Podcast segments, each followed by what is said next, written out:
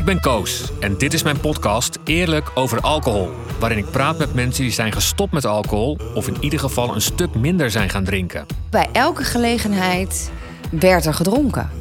En dan doe je toch altijd mee. Dat is de kunst, hè? want we proberen natuurlijk niet ongelukkig te zijn de hele tijd. Ja. En dat is waarom we aan het verdoven zijn. Je wilt dat gevoel niet, want dat gevoel is beangstigend. Je kunt er niets mee. Daarom denk ik dat we dat eh, verdoven. Maar ongelukkig zijn, eh, of een ongelukkig moment hebben, want eh, het gaat over, net als alles in het leven, ja, hoort er nou eenmaal ook bij. Ja. Die verdomde alcohol, weet je wel. Dat is gewoon je reinste vergif. Waar, wa- waardoor ik nu, hetgene wat ik eigenlijk het leukst vind om te doen, hardlopen, lever ik daarop in. Wat, wat brengt het me dan nog of zo? Op 16 september 2017 werd ik voor de allerlaatste keer dronken. Stom dronken, zoals bijna elk weekend. Ik besloot hulp te zoeken, want de slogan alcohol maakt meer kapot dan je lief is werd voor mij werkelijkheid.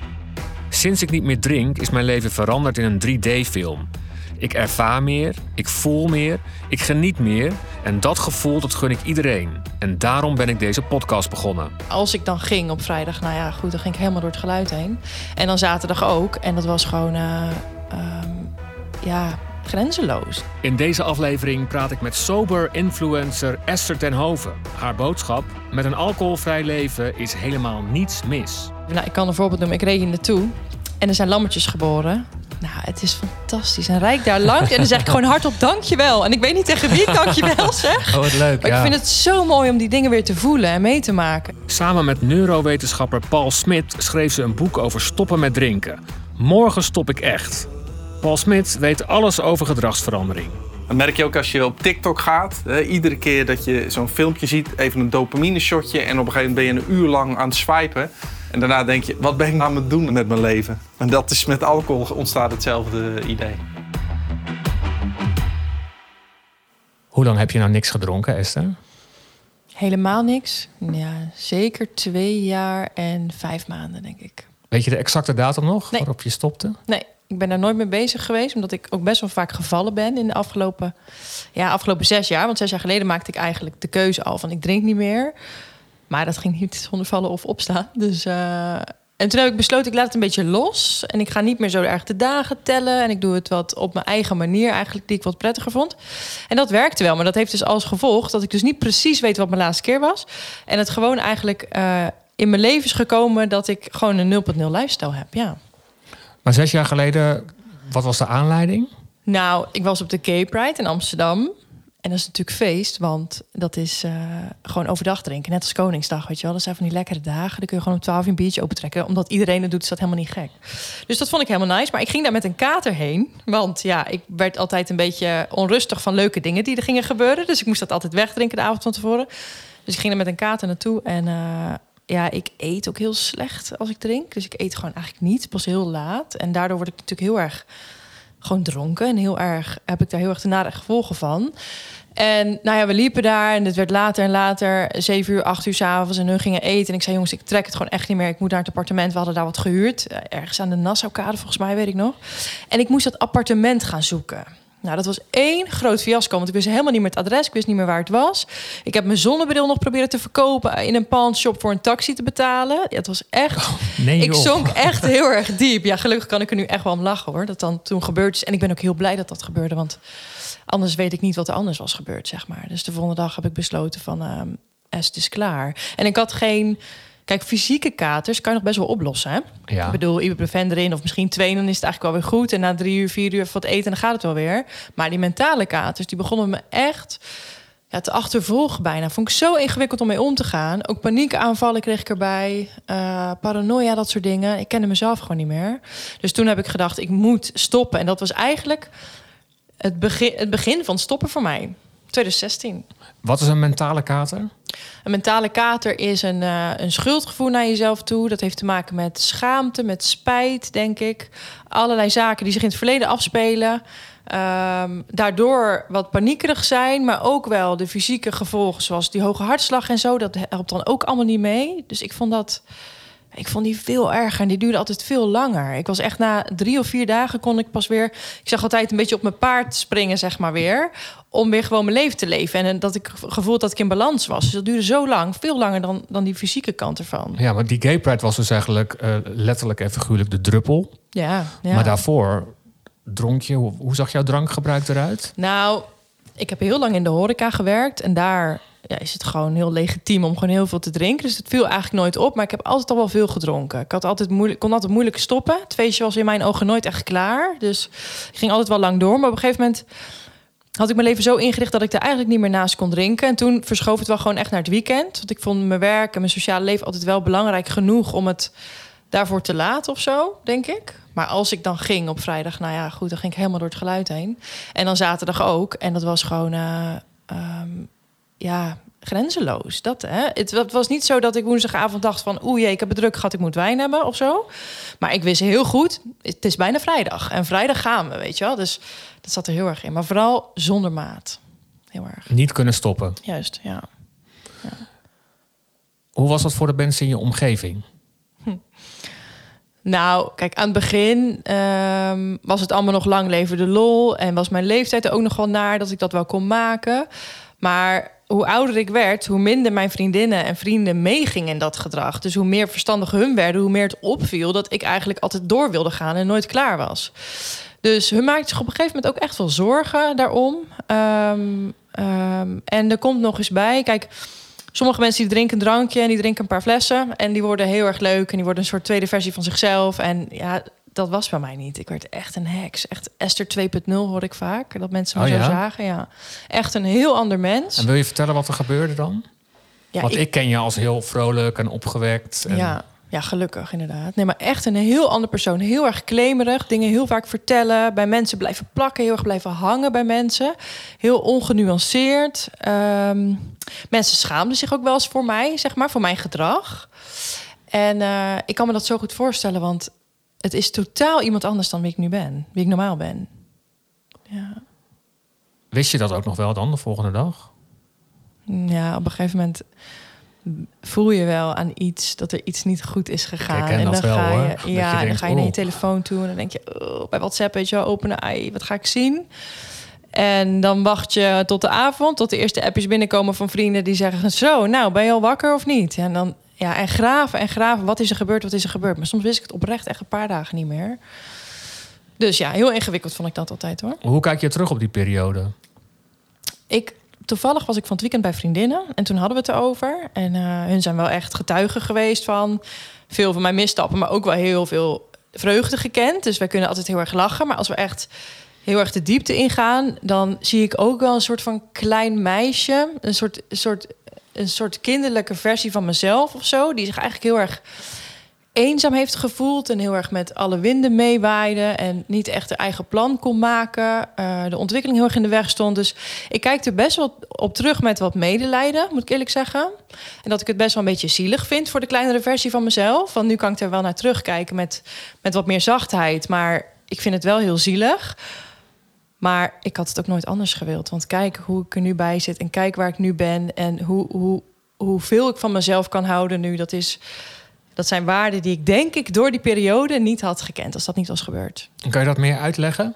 Wat? Nou, dat je nu, eh, dat je eigenlijk, je zegt ik ben blij met de periode die is geweest. Terwijl Mhm. het ook een hele vervelende periode was waarin je je eenzaam hebt gevoeld. Ja, Klein meisje spreek je over. ja. Hoe kan je daar dan trots op zijn of blij mee zijn dat je het hebt meegemaakt? Nou, je kan natuurlijk denken van jeetje, wat heb ik me voor schut gezet. En wat, wat zonde dat ik nooit gestudeerd heb bijvoorbeeld. Want ik was altijd gewoon heel hard aan het werk. En dat was allemaal wel onderdeel daarvan. En eh, eh, wat vervelend dat ik zo beïnvloedbaar was. Maar als ik terugkijk kan ik ook heel goed zien... dat ik dat allemaal nodig heb gehad om hier te komen. En omdat ik die pijn, ik noem het altijd een soort groeipijn... dat ik die heb moeten ervaren om uiteindelijk eh, te komen waar ik nu ben. Dus Het hoort bij je. het is echt een onderdeel van mij Ja. geweest. Of niet, ik weet het niet. Maar het is echt een onderdeel van mij, ja. Hoe is alcohol ooit in je leven gekomen? Ik weet nog wel goed, eh, ik denk dat ik 14 was of zo, coach. Echt vet jong. En dan gingen we, dus zat ik op de middelbare school. En dan ging samen met een vriendinnetje ging ik van die flessen Patrick halen. Die had je in het blauw en in het, in rood. En die stonden gewoon bij de supermarkt. En dan gingen we het langste jongetje van de klas, gingen we dan, Christian heette die volgens mij, gingen we dan dat laten halen met zijn, eh, nou ja, hij, hij kon er wel door voor 16, toen was het nog 16. En dan gingen we dan in het park gingen we dat gewoon op zitten drinken. Niet de hele fles, maar dan een paar slokjes. En dan, ja, voel jij het al? Nee, ja, jij, ja, wel een beetje. Dus eigenlijk heel onschuldig. Maar ik krijg deze vraag wel vaker. En ik zeg ook altijd, ik wist toen al wel heel goed wat het met me deed. Wat deed het? Nou, het maakte me heel rustig. En ik ben van mezelf best wel druk, zeg maar. Vooral Ja. in mijn hoofd, intern. Zie je aan de buitenkant niet zomaar. Dus ik dacht wel, oh, dit is wel een fix voor als ik even tot mezelf moet komen of zo. Ja. Ja, dus dat was wel heel duidelijk. ja, want ik wilde eigenlijk vragen van wat, wat bracht alcohol je? Want dat was dus de eerste ervaring. Ja. Nou ja, ik heb altijd gewoon heel erg belangrijk gevonden wat mensen van me vonden. Vinden, misschien nog wel steeds hoor. Maar dat, dat, dat was echt een thema in mijn leven. Ik was ook super beïnvloedbaar daardoor. Tot grote ergernis van mijn ouders. Want die zagen dat met leden ogen aan, zeg maar. Ehm, dus ik denk dat het een soort van... Ja, mijn, hoofd gewoon uitzetten. Gewoon van... eh, eh, dat, dus dat hoofd uitzetten. Maar plus eh, dat zelfverzekerde gevoel. Dat versterkt natuurlijk als, helemaal dat je goed bezig bent. Ik denk dat ik dat heel erg nodig had. Ik denk dat dat het grootste is. Dat ik gewoon me eigenlijk heel erg eenzaam heb gevoeld. Ehm, ik kom uit een groot gezin. Ik, ben best wel, ik heb me best wel pleasant opgesteld. Ja, en dat was weekend was gewoon mijn tijd, joh. Vlag uit. Hoppa. De ster in je eigen leven spelen. Ja, dat ja. Mooi, ja. Hoe doe je dat nu dan? Of is de rust in je hoofd, is die er nu? Want ik kan me voorstellen Nee. dat je nog steeds onrust ervaart, maar en je drinkt niet meer. Dus hoe doe je dat nu dan? Nee, goede vraag. Ehm, ik ben eigenlijk wel heel blij dat ik zo ben. Ben ik achtergekomen. Ik heb het heel lang ook wel ehm, een soort van. Ja, nou bijna gehaat dat ik zo'n vol en druk hoofd heb en zo snel overprikkeld ben en niet zoveel aan kan. Maar aan de andere kant, het brengt me ook fantastisch veel. Een creativiteit, dingen, ideeën die ik zo binnen vijf seconden kan uitwerken. Ehm, heel erg doorzettingsvermogen, ambitieus ben ik. Dus dat zijn de andere kant van die medaille, vind ik. En die zou ik nooit kwijt willen raken. Dus ik vind het heel erg oké dat ik dat heb. En daarmee heb ik bijna al de oplossing, vind ik. Dat ik gewoon accepteer van, ja, er gebeurt gewoon heel veel in dat hoofd. En ik moet misschien ietsje meer mediteren dan een ander. En ik moet iets beter voor mezelf zorgen en iets beter slapen dan een ander. Maar daardoor krijg ik ook wel die andere kant van die medaille zien. En die vind ik echt waanzinnig. Dus, Want wat is die andere kant? Nou ja, dat creatieve in me. Dus dat het hoofd heel erdoor gaat. Maar ook dat er ook hele goede ideeën naar boven komen. En dat ik dingen snel kan uitwerken. En dat ik heel erg verheugd ben op dingen. Bijvoorbeeld, ehm, ja, dat ik pieken en dalen ken. En die pieken vind ik ook heel fijn. Dus eigenlijk ben ik een soort van akkoord gegaan met dat drukke hoofd. Ja, en dat wist je natuurlijk in je, in je jeugd nog niet. Dat dat oké was en dat je daar gewoon mee kon zijn. Nee, en daar ben ik me pas naar op zoek gegaan toen ik stopte met die alcohol. Want dan, toen werd ik ineens nieuwsgierig naar mezelf. Van, oh, hoe, wie, wie is Esther eigenlijk? Waarom is het allemaal gebeurd? En ja, dan gaat er een soort wereld open die, die ik, die, waar, waarvan ik blij ben dat ik die ken. Ja. Ja. Ja. daar wil ik straks echt met je over hebben. Hè? Wat het je allemaal heeft opgeleverd. Het eh, nu bijna twee jaar of twee jaar niet drinken. Maar je zegt, ik, zes jaar geleden maakte ik al het besluit, ik wil stoppen. Ja, ja. Maar dat ging niet eh, makkelijk, vertel nee, je. Nee, Vertel dat- eens. Kijk, ik ging toen gelijk naar de AA. Eh, nou ja, de NA eigenlijk, Narcotics Anonymous. En dat was dan voor drugs. Maar goed, eh, dat was om de hoek, dat was ook praktisch en zo. Met allemaal jonge mensen. En dat was eigenlijk een feest. Want ik dacht, ik ben de enige op de wereld die geen alcohol drinkt. En dan kom je ineens in een groep mensen met allemaal, met, van allemaal van je eigen leeftijd. En dan zie je ineens, oh, dat is niet zo. Je bent niet de enige. Want je was echt verslaafd. Nou ja, Of echt verslaafd. Weet je wat maar- het is? Ik, ik wist gewoon niet zo goed wat er nog meer was. Zeg maar. En mijn ouders waren, hadden wel een vinger in de pap. Die zeiden van ja, we kennen iemand en die gaat daarheen. Misschien moet je er ook eens kijken. Dus het was ook een soort van strohalm die ik als eerste pakte. En ik heb daar op zich, zeker omdat het jonge mensen waren, heb ik daar best wel veel herkenning kunnen vinden. En wat vriendschappen opgebouwd. Ehm, maar goed, bij de AA komt ook een, eh, komt ook een 12-stappen-programma. Daar was ik niet zo heel erg van gecharmeerd. En daar zet ik wat vaker vraagtekens bij. En op een gegeven moment ben ik na een maand of 9 à 10 ben ik daar gestopt. En ook wat ze daar zeggen was ook waar. Ik ben gelijk weer gaan drinken. Eh, maar dan heel rustig. En dat ging eigenlijk heel goed. En dan is het zo, nou, sociaal drinken kan wel. Weet je wel, zie je wel. Ik heb het nu alweer een maand bewezen. En ik, eh, ik, het is weg uit mijn leven. Het is oké zoals het gaat. Maar ja, er hoeft maar dit te gebeuren. Er hoeft maar iets van spanning bij te komen. En ik ging toch wel weer die route kiezen van heel veel drinken, niet meer naar huis, ontsnappen aan mezelf, weg zijn van mezelf. Dus dan zag je gewoon dat die oorzaak niet is aangepakt. Het was alleen maar, oké, niet drinken, de symptoombestrijding, dat ging op zich goed. En ik begon weer en het was heel snel weer waarvan ik, waar ik vandaan kwam. Dus dan zie je wel van ja, dat is geen duurzame oplossing geweest. En dat ging zo een tijdje af en aan. Ik was toen 25, hè, dus ik zat ook echt in een milieu waar het ontzettend raar was om niet te drinken. Dus ik had aan alle kanten voelde ik de sociale druk. En moest ik het zoveel uitleggen ook van waarom ik niet gewoon één wijntje kon doen. En ja, bij tijden ben je daar heel trots op. Maar je hebt ook wel eens mindere dagen en dan is het gewoon niet zo leuk om uit te leggen. Misschien herken je dat wel, dat je echt denkt, ach, was het maar gewoon normaal nu. Ik wilde me heel graag normaal voelen, dat was het vooral. En toen uiteindelijk ehm, op een vakantie in Curaçao is, is de klik gekomen. En daar was ik heel lang naar op zoek. En wat was die klik? Die vakantie op Curaçao was eigenlijk heel erg mooi. Maar ik zat alleen maar jaloers te kijken naar mensen die wel dronken. Oh. Echt, ik kon die, die, die fles rosé wel in hun gezicht slaan, weet je wel. En dat is natuurlijk heel giftig voor je mind om dat gewoon de hele dag te denken. Daardoor kon ik ook bijna niet meer genieten van de rest. En wij moesten daar blijven, want ik kreeg bronchitis. En nou ja, we mochten niet vliegen daardoor. En eh, we hebben daar een maand gezeten. En toen heb ik tegen mezelf gezegd: Oké, ik heb twee keuzes. Of ik ga gewoon weer drinken, net als toen. En dan zien we wel waar het schip strandt. En dan kijken we wel. En dan verlies ik misschien wat mensen. Ja, dat is dan maar zo. Of ik ga nu alles eraan doen om een soort andere kant te vinden. Dus even niet de 12 stappen en de AA, want dat had ik al gehad. Ik wilde echt even een ander geluid horen. En ik ga alles lezen en alle podcasts luisteren en alles nou ja, tot me nemen om te zorgen eh, dat ik niet meer hoef te drinken in plaats van dat ik het niet meer mag. Dat was echt mijn ultieme doel. Ik wil het niet meer willen.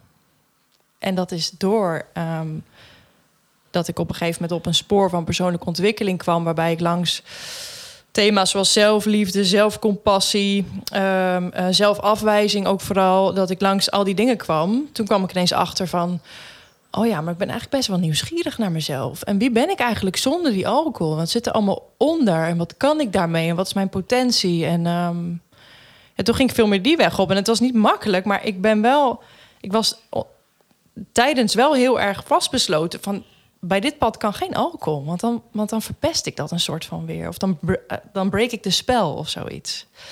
En dat is mijn redding of zo geweest. Redding klinkt een beetje heftig, maar... Maar dat heb je dus helemaal zelf gedaan. Ja, heb ik zelf gedaan. Ben nog wel naar een therapeut geweest, of een soort coach eigenlijk. En toen was het eigenlijk al wel een soort van geklikt. Maar van hem heb ik gewoon heel veel geleerd op het gebied van ehm, nou ja, de zelfafwijzing. Maar in principe wel redelijk zelf. En daar ben ik ook, ik moet zeggen, best wel trots op hoor.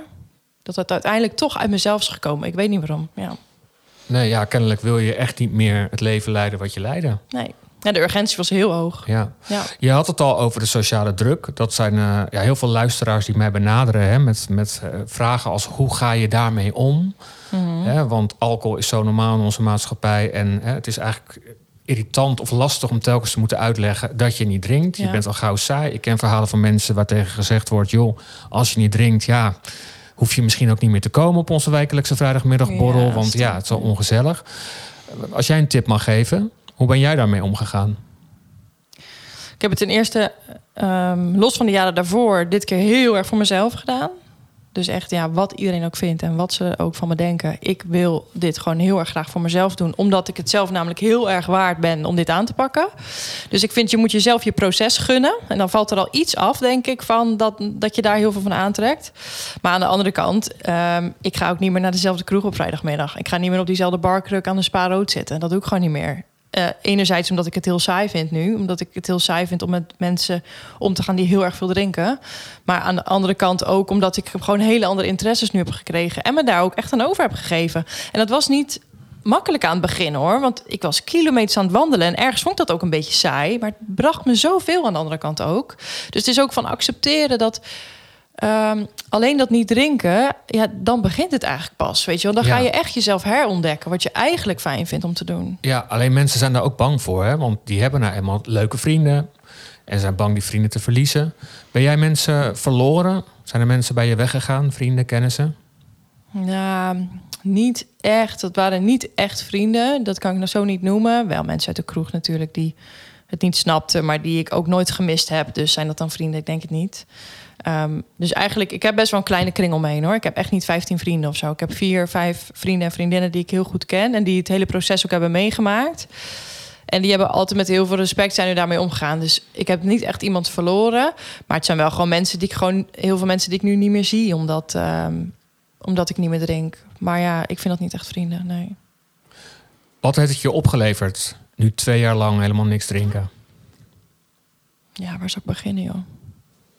Kijk, ik ben mezelf gewoon. Ik heb mezelf heel erg leren kennen. Dus eh, in de zin van. ehm, wat wil ik nou echt? Hè? In plaats van wat willen anderen? Of ehm, ik, ik, nou, wat ik net zei, bij mezelf mijn proces gaan gunnen. Maar wat het me echt heeft opgeleverd, nou, ik kan een voorbeeld noemen. Ik reed hier naartoe en er zijn lammetjes geboren. Nou, het is fantastisch. En rijk daar langs. En dan zeg ik gewoon hardop dankjewel. En ik weet niet tegen wie ik dankjewel zeg. Oh, wat leuk. Maar ja. ik vind het zo mooi om die dingen weer te voelen en mee te maken. En dat gewoon echt de tranen in mijn ogen kunnen springen van een vogel in de boom. Het Ja. is echt... eh, ik ben zo trots op mijn lichaam ook... dat, dat de balans in de dopamine en endorfine afgifte weer helemaal... dat het weer helemaal on fleek is, zeg maar. Daar ben ik zo trots ook op. Ja, en dit klinkt misschien een beetje ingewikkeld. Endo, endorfine, dopamine, dat zijn de gelukstofjes in je lichaam. Ja. Die eigenlijk, ehm, ik ga het nu eventjes van je overnemen, Ja, maar doe. vul me vooral aan. Ja. Ehm, normaal als je gelukstofjes krijgt, hè, dat is, dan is je systeem gewoon normaal. En ik geloof dat een mens, als je seks hebt en een orgasme krijgt, dat dat het grootste geluk bij je veroorzaakt. Maar alcohol zorgt eigenlijk voor twee keer zoveel eh, dopamine. Dus je, bent, je, je schopt eigenlijk je natuurlijke aanmaak van gelukstofjes door de war als je alcohol drinkt. Ja. Regelmatig Ja. alcohol drinkt. Ja. En dat, ja, dat komt ook weer, eh, dat, dat regelt zichzelf weer helemaal als je stopt met drinken. Ja. En dat ervaar jij dus als je iets... Ja, ik, ik ervaar namelijk hetzelfde hoor. Dat je, het dat je, of dat er krokeltjes komen. Denk je, oh, Oh, ja, of sneeuwklokjes in de winter. Ja, het is allemaal zo ontroerend. Maar het is eh, vooral dat... Je moet ze wel zien, hè? Ja. Ik bedoel, ik zie zo'n lammetje, maar hij trekt toevallig een sprintje naar zijn moeder. Weet je, wat heb ik Oh, gewoon ja, geluk dat ik ja. dat zie op dat moment. Dus je moet het ook wel zien. Een soort van gevoelig zijn. En daarom ben ik aan het begin ook zoveel gaan wandelen. Gewoon in de natuur. Kijk maar om je heen. Misschien gebeurt er wel iets moois, waardoor je weer heel even een soort van tevreden gevoel kan ervaren. ja, maar het is eh, alsof er een sluier van je afgehaald wordt. Van, want vroeger zag je ook een lammetje, maar er kwam dat niet binnen of nee, zo? dat, nee. Nee, dat, dat voelde je gewoon helemaal niks. Dat is gewoon, ja, dat is gewoon een lammetje. En nu Ja. is het, het is best bijzonder om zo'n beetje een sprintje te zien trekken. Dus dat is gewoon heel erg, ja. En dat is eigenlijk denk ik nog wel het meest. Want dat kan ik aan zoveel dingen hangen. Lekker eten in een restaurant bijvoorbeeld. Vroeger was het alleen maar drinken met wat hapjes. Nu is het echt een mooi bord waar ik echt van kan genieten. Omdat ik ook gewoon echt meer smaak heb. Ehm, ik kan me weer normaal verheugen. Want ik verheugde me altijd wel op dingen, maar dan was het zo intens, zeg maar. Want dan komt er zoveel dopamine al vrij bij dat verheugen op dat drinken. Dat dat eigenlijk helemaal niet meer echt was. En dat ik daardoor ook weer ging drinken omdat ik dat gevoel niet kon handelen.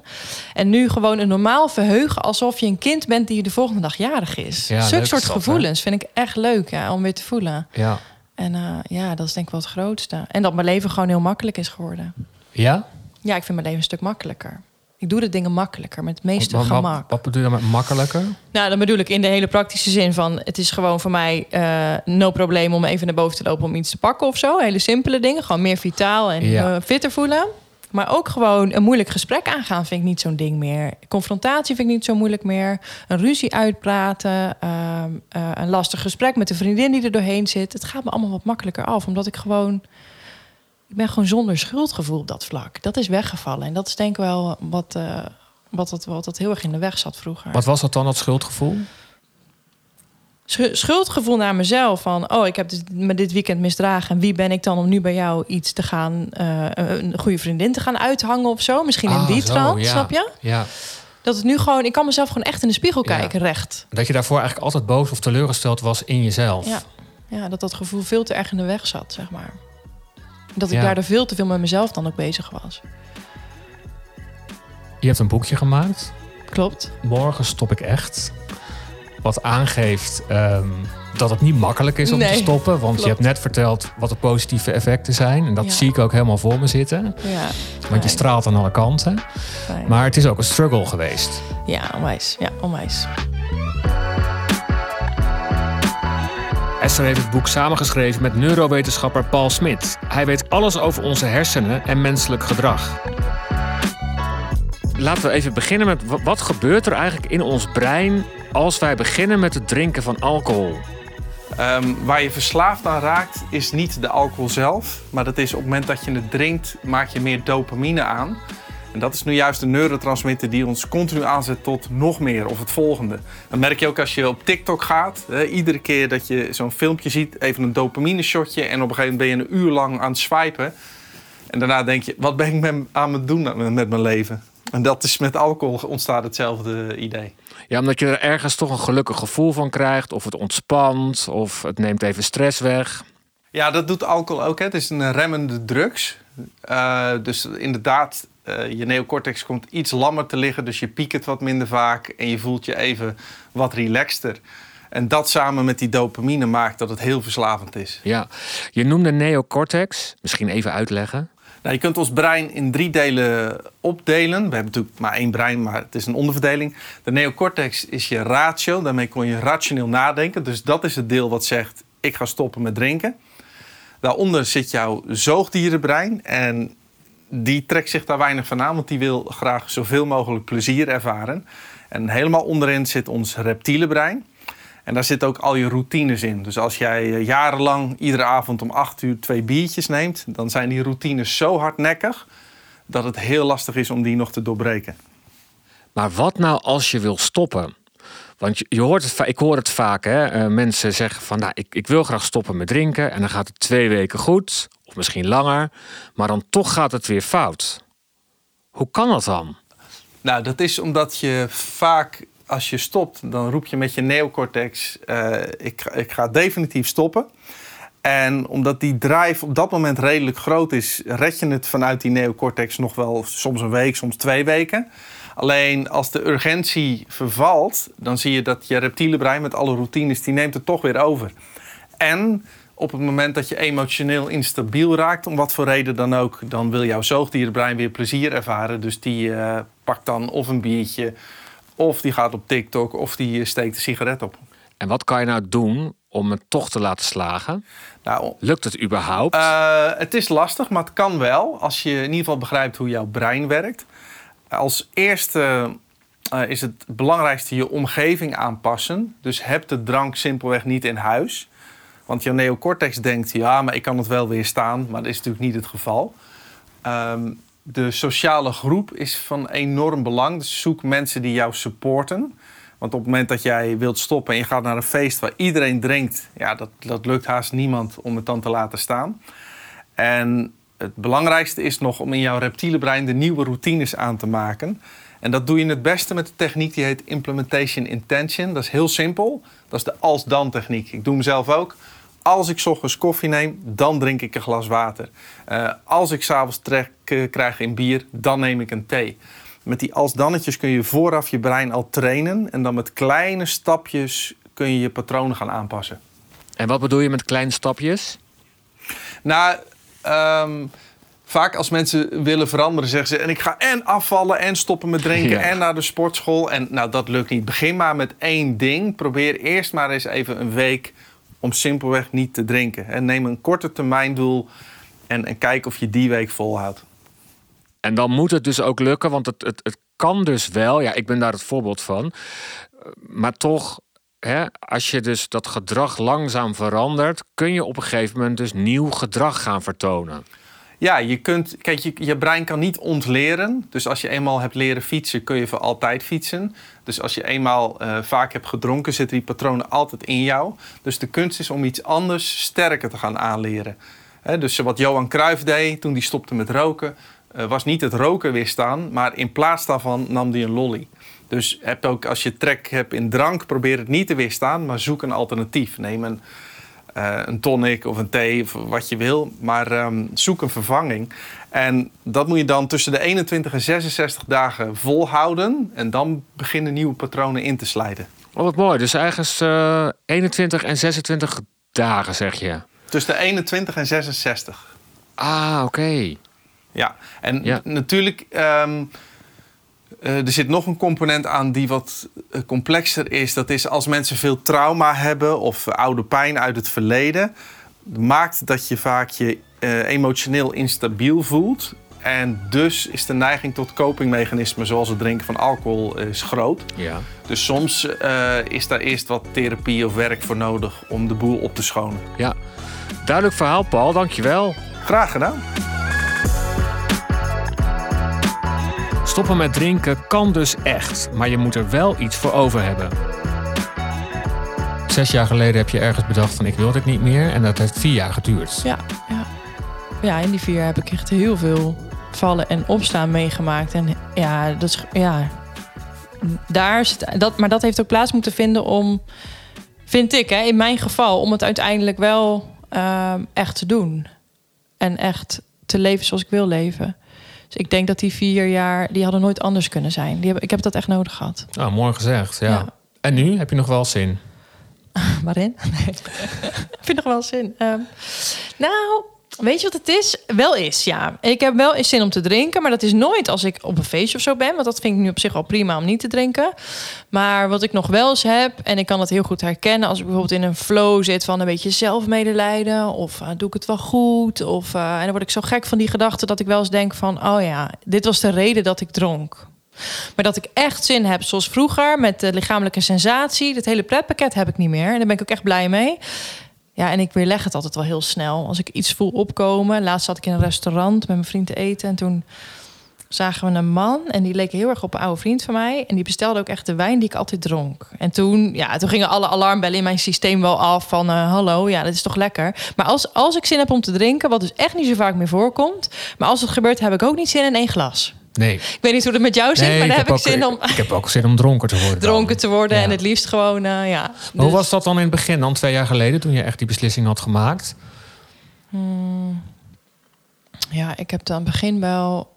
Ik heb wel veel stemmen gehad, ja. Die zeiden van, joh, ehm, hè, intern, eng, hè, dit hè? stemmen. Nee, intern dan van, joh, eh, je kan maar weer, joh, en even eentje.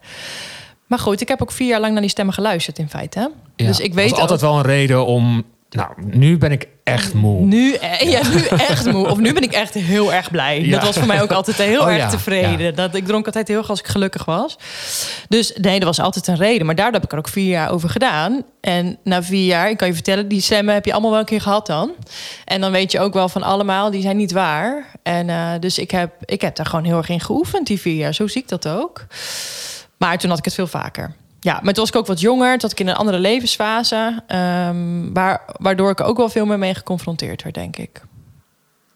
Met de alcohol op ja, gewoon letterlijk. En, ja. Dat ik uitgenodigd werd voor dingen en dan nog, nog geen nee durfde te zeggen. Bijvoorbeeld om te gaan. Of een keertje een uitnodiging af, afslaan of zo. deed ik toen niet. Dat doe ik nu wel. Ja, wat je vaak hoort is van... Ja, ik vind het gewoon...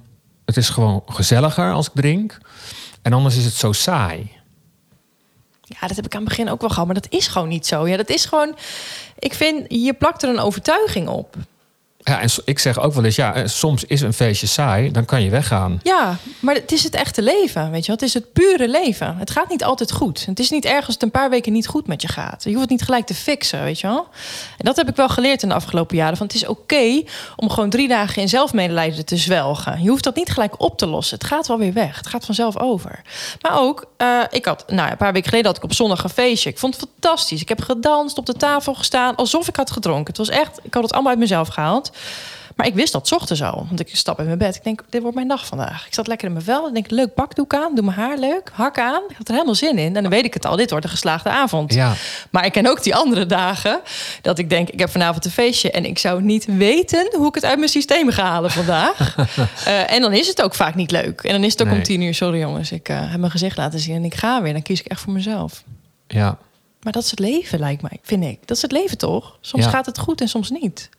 Nou ja, ik, ik- ja zeker. Alleen ehm, omdat je ja, overal ter wereld in onze maatschappij, vooral in onze westerse maatschappij, opgroeit met alcohol en alcohol drinken, kan je het, kunnen heel veel mensen het niet meer loszien. Ja, klopt. En dat is best wel jammer. Ergens, want ja, iemand zei laatst ook tegen mij... ja, ik heb een huis gekocht, nu moet ik wel een glas Prosecco nemen.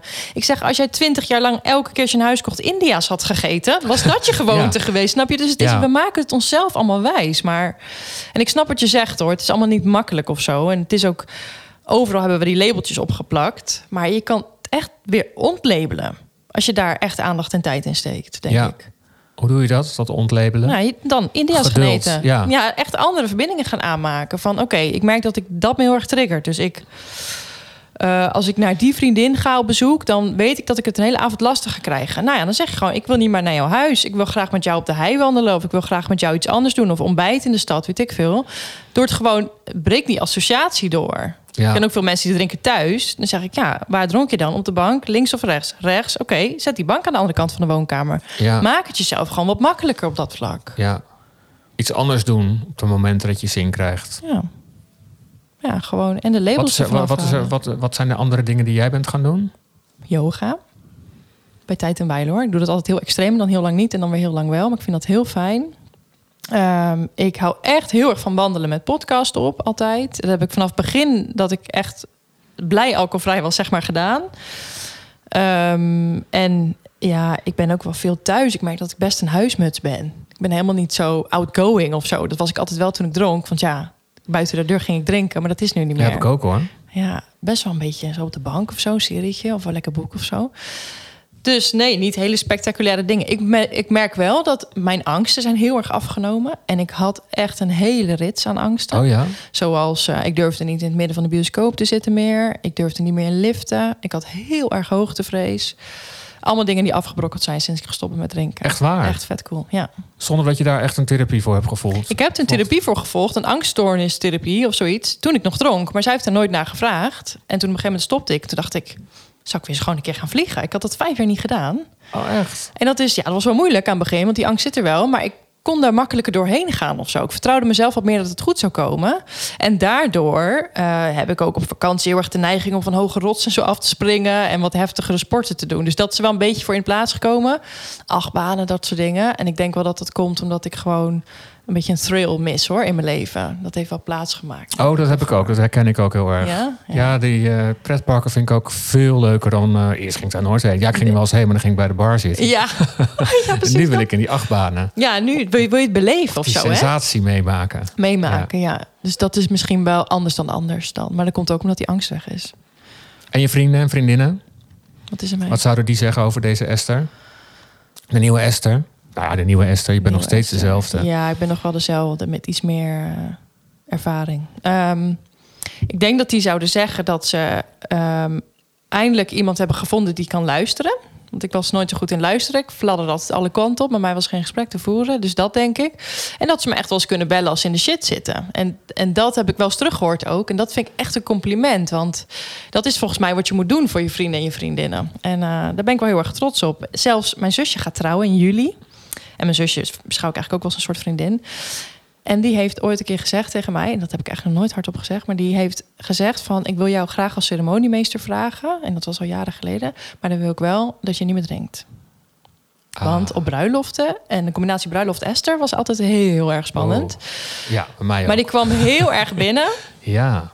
Toen, en toen weet ik nog dat ik dacht: Oh, ik word kwaad als je dit nu zegt. En ik, waarom ben ik dat niet waard dan? En nu kijk ik terug en denk: Ja, ik snap dat totaal. Want ik was echt een ongeleid projectiel als ik dronk. En dan zou je mij echt niet als je ceremoniemeester moeten hebben.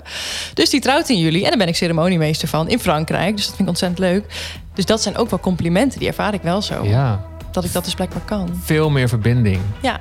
met ja. jezelf en daardoor dus ook met, met Daardoor, anderen. ja, als gevolg daarvan. Ja, heel erg. Dankjewel Esther. Graag gedaan. Luister ook de andere afleveringen van Eerlijk over alcohol. Nou, ik denk eigenlijk dat ik vanaf eigenlijk het moment dat ik begon met drinken al voelde... dit is op een, ik zeg altijd op een hele slechte manier een goede, goede match. Het was wel toch wel vier, vijf dagen in de week tot het gaatje gaan in het café. En dan hebben we het denk ik wel per avond over 15, 20 biertjes. Als mijn vrouw er twee op heb, dan heb ik er al vijf op. En dan komen we thuis en dan ga ik ook gewoon door. Deze podcast is mede mogelijk gemaakt door het ministerie van VWS. Voor meer informatie over minderen of stoppen met alcohol, check de website alcoholinfo.nl.